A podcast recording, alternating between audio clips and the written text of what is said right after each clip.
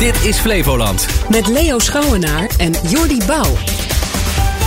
Goedemorgen, welkom bij Flevoland. We beginnen de dag met een waarschuwing. Want de huizen van Oost-Flevoland Woondiensten in Dronten... die worden namelijk ook aangeboden op sites die er flink geld mee willen verdienen. Trap er niet in, je krijgt niet sneller een huis... en je bent ook nog eens meer geld kwijt. En de voetbalvelden in Lelystad zijn veel te nat. Vooral jonge spelertjes zijn daardoor verdrietig... want hun wedstrijden worden vaak afgelast. Oost-Flevoland Woondiensten, OFW, in Dronten... waarschuwt voor fraude met het aanbod van huurwoningen. Die worden namelijk ook via particuliere sites aangeboden, zonder toestemming. Je hoort Suzanne Roling van OFW. Uh, Wij werden op de hoogte gesteld van de huurder dat onze sociale huurwoningen en studentenkamers via een professioneel, via een commerciële aanbieder aangeboden werden. En dat mag niet, denkt u? En zo werken wij niet. Wij hebben een eigen site, lange wachtlijsten. Sociale huurwoningen zijn zeer schaars. En die bieden wij dus niet via particuliere aanbieders aan. En dus eh, niemand heeft contact met u opgenomen hierover? Of een Nee, we hebben overleg geen daarover toestemming gehad? gegeven. Het is gewoon op eigen houtje gebeurd. En eigenlijk alle woningen van ons die nu eh, geadverteerd worden via onze eigen site, worden overgezet op die site. En ze vragen een bedrag van 1 euro de, eerste vier dagen. En daarna 39 euro per maand. Wat Ja. vindt u daarvan? Dat is een eh, behoorlijk eh, verdienmodel voor woningen die mensen toch niet krijgen. Zeker niet voor de sociale huurwoningen en studentenkamers. Bij ons kost het inschrijven 15 euro en verlenging jaar, hè? 15 euro per jaar. Ja. Maar bij hen 39 euro dus per maand. ja, dus mensen moeten betalen om lid te worden van hun site, om contact met ons op te mogen nemen. Ja, en dan komen ze mensen erachter dat eh, een gemiddelde wachtlijst hier is vanaf 5,5 jaar voor een driekamerwoning. Ook in Dronten is het vanaf 6, 7 jaar voor een eensgezinswoning. Dus die mensen maken geen kans en die betalen eigenlijk iets waar ze dus toch niet voor in aanmerking komen. Ja, en mensen zien goedkope huurwoningen en die denken: oh fijn, Dronten, we gaan reageren, we betalen. Want de woningnood is hoog, er is heel veel schaarste. Dus ja, er is ook een verdienmodel aan. Maar eigenlijk worden mensen blij gemaakt met iets wat ze toch niet krijgen. En u denkt dat het hier sprake is van fraude? Ja, wij denken haast wel dat het fraude is. Wij hebben gemeld bij de politie en bij de fraude helpdesk. En die nemen het verder in onderzoek. En wat zegt de politie? Eh, we hebben nog eh, geen reactie van de politie gehad. Het is doorgezet naar het landelijk parket. En nu, hoe verder? Want die woningen van u staan nog steeds op hun site. Ja, nou, het is nog even afwachten wat verder gebeurt met de fraude helpdesk en wat de politie gaat doen. Wij blijven proberen contact met ze op te nemen om ze toch te verzoeken om het van hun site te halen. En eh, ondertussen hebben wij mensen wel via onze eigen site gewaarschuwd dat wij niet via dat soort aanbieders aanbieden. Suzanne Roling van Oost-Flevoland Woondiensten was dat. Een van de sites die zich schuldig zou maken aan de fraude is rentumo.nl. En Dat bedrijf heeft nog niet gereageerd op de beschuldiging. Op de Lelystadse voetbalvelden is het te nat. Komt door eh, de vele regen en de slechte afwatering van de velden, zeggen de voetbalverenigingen. Gevolg is sombere velden en afgelaste wedstrijden. Ja, en doordat die wedstrijden worden afgelast, komen vooral jonge voetballertjes niet aan spelen toe. En dat leidt weer tot onbegrip bij de ouders. Verslaggever Maarten Middelkoppen doet een rondje langs de velden bij VV Unicum en SV Lelystad. Roy Oostveugel van eh, SVL, SV Lelystad. Dit is hoe het veld erbij ligt. Het het ziet er niet best uit, hè? Dit is een van de velden van ons, inderdaad. En eh, kwalitatief is het, eh, is het eh, niet echt, eh, echt top. Wat, wat is het probleem precies? Ja, het probleem zit hem eh, toch wel in de afwatering op dit moment. Eh, ook het seizoen is er natuurlijk naar. Eh, dat betekent dus dat er heel veel regenval is, vorst, noem maar op, et cetera. We hebben te maken met kleibodems hier, ook, dus het is sowieso lastiger voor het water. Ehm, en ja, je moet op een gegeven moment moet je keuzes gaan maken. Ja, want wat heeft dat voor gevolgen voor de club? Dat er heel veel wedstrijden eh, uit zijn gevallen. Ehm, we proberen dat natuurlijk door de week wel in te halen. We hebben één kunstgrasveld hier wat we kunnen gebruiken. Ehm, maar het is gewoon heel moeilijk op dit moment om iedereen te laten voetballen.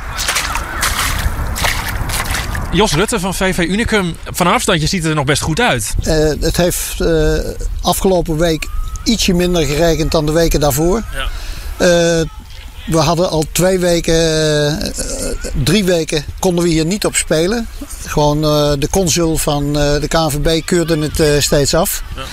En eh, we konden afgelopen zaterdag hebben we er, omdat de regen pas na de middag kwam, hebben we toch een paar jeugdteams hierop kunnen laten spelen. Oké, maar dat, ging dat een beetje? Nou, het hield niet over. De, de, degenen die erop waren, de kinderen die, die hobbelden daar nog wel overheen.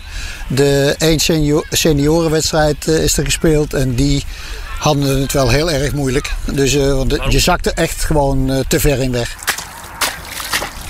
Wij hebben met, met de afgelopen weken dat het zo slecht weer was, hebben wij van de tien competitiewedstrijden hebben we er zeker acht uit moeten halen. Ouders die uh, uh, bijna op het punt staan om een lidmaatschap op te zeggen omdat hun zoon of dochter niet kan voetballen. Uh, dit is wel de situatie waarin we zitten. En wij niet alleen, ook mijn collega-clubs hebben daar last van. En kun je dat dan een beetje uitleggen aan ze? Moeilijk. je ziet een veld. Je denkt, nou, we kunnen voetballen. Wat is de oplossing?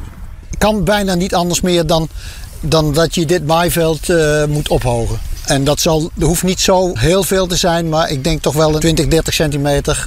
Dan ben je hier weer jaren klaar. Ja, ik denk dat je daarvoor het beste bij de gemeente en, en sportbedrijf moet zijn. Uh, zij zijn de beheerders van het veld. Wij huren de velden. Ja, en er wordt ook best wel flink gekort. Uh, en dat heeft ook zijn weerslag op het onderhoud natuurlijk van de velden. Bezuiniging, is, is dat het? Ja, dat, uh, dat, ik vermoed van wel.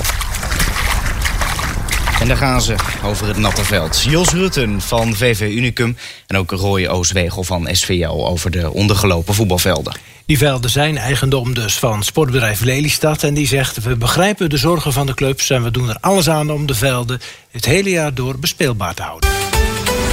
Een groep van zo'n 50 ouderen logeert deze week gratis op vakantiepark RCN in Zeewolde. Het gaat om eenzame senioren met weinig geld. Directeur Wout Sleuring van RCN Zeewolde vindt het belangrijk om deze vakantieweek te houden en deze ouderen in het zonnetje te zetten. Hij heeft deze week voor alles van hen op het programma staan. En daar gaan we allerlei leuke dingen mee doen. Van, uh, vanavond is er een spelshow, morgen gaan we naar de Orchideehoeve. We gaan kerststukjes maken, er is een chanticoor, er is een uh, kerstdiner. Uh, we gaan van maandagmiddag tot vrijdagmorgen volledig de mensen ontzorgen en leuke dingen organiseren. Want waarom is dat belangrijk om dat te doen?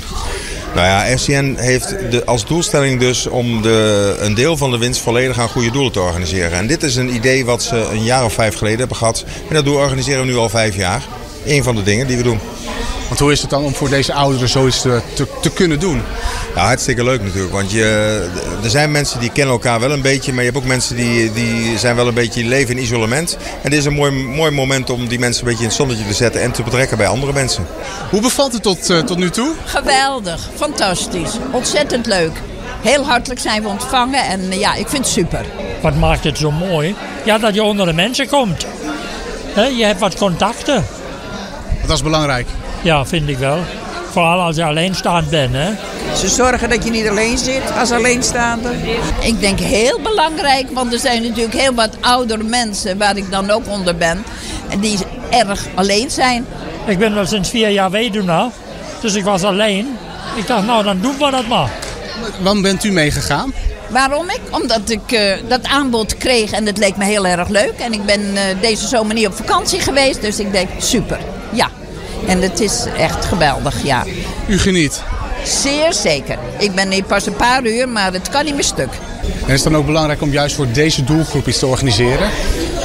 Ja, natuurlijk is het extra belangrijk voor deze doelgroep. Want uh, heel Nederland zit een beetje in de stress met financiële problemen en andere problemen. En juist deze mensen raken die financiële problemen vaak het hardst. Dus het is extra mooi om voor hen wat te doen.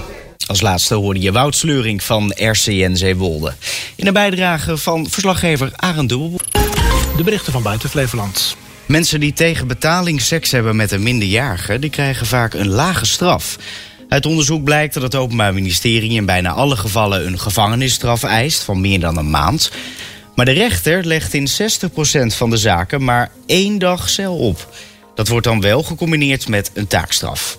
En dat is ook een serieuze straf, zegt de Raad voor de Rechtspraak. 150 uur taakstraf staat in onze oriëntatiepunt. Dat is bijna een, uh, ja, meer dan de helft van de maximale uh, taakstraf. Dat is echt een straf die eigenlijk tegenover een gevangenisstraf staat van zomaar drie maanden. Dus dat, dat, dat verhoudt zich als een echte straf. Het Centrum Kinderhandel en Mensenhandel is het daar niet mee eens... en vindt dat de klanten van minderjarige prostitutie... te veel worden gezien als onschuldige toeschouwers. Mazzel voor de fans van Alicia Keys in Londen... die toevallig op de trein stonden te wachten gisteren. De zangeres kroop achter een piano in het bomvolle treinstation. Are you, where are you guys going? You taking a train today? Yeah. Should I take the train too?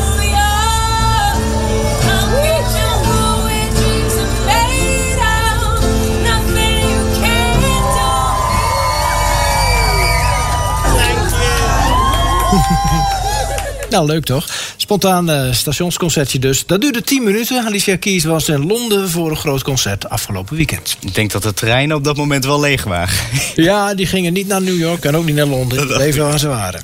Slaan we de kranten nog even open. Door snel oplopende incassokosten verdient de overheid fors aan aanmaningen op verkeersboetes. Het CJIB voor dit jaarlijks gemiddeld 137 miljoen euro aan inningskosten, bovenop de oorspronkelijke boete. De aanmaningen die vullen de staatskas, maar leveren voor tienduizenden huishoudens problematische schulden op. Blijkt allemaal uit een analyse door de Volkskrant van alle opgelegde verkeersboetes in de afgelopen drie jaar. Ja, als je die staatjes ziet als je zo'n bon krijgt. Gaat hard, hè? Ja, oh, begint uh, volgens mij eerst 40 euro erbij en nou, dan gaat het rap. Ik vind het toch wel zonder geld, dus uh, maar snel betalen. Oké. Een vierdaagse schoolweek, treinen die uitvallen en winkels die de deuren vaker dicht houden. De gevolgen van de vergrijzing worden voorlopig alleen nog maar groter komende vijf jaar moeten werkgevers 2,2 miljoen openvallende banen zien te vullen, meldt de Telegraaf vandaag. Daarvan wordt 90% veroorzaakt doordat iemand met pensioen gaat, ziek wordt of besluit iets anders te gaan doen. Gelukkig komen tussen nu en 2028 ook anderhalf miljoen gediplomeerden de arbeidsmarkt op. Grote steden in Nederland hebben te weinig opvangplekken voor daklozen. De tekorten in de acute opvang zijn zo groot dat ook daklozen die wettelijk recht hebben op onderdak dreigen buiten te moeten slapen. Blijkt allemaal uit een rondgang van de krant Trouw langs de vier grote steden van Nederland: Amersfoort en um, Den Bosch. Dus vier grote steden, Amersfoort en Den Bosch. Dan heb je er zes. Ja, dat dacht ik. In Amersfoort zag de gemeente zich in oktober gedwongen tentjes uit te delen aan de daklozen. December is de tijd van cadeautjes. En ook dit jaar delen wij de inmiddels beroemde en geliefde kerstpakketten uit.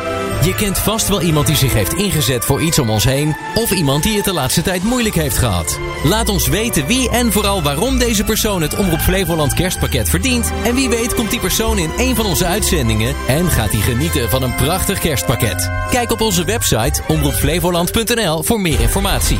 Oh, en je hebt nog tot en met 13 december de tijd om iemand op te geven.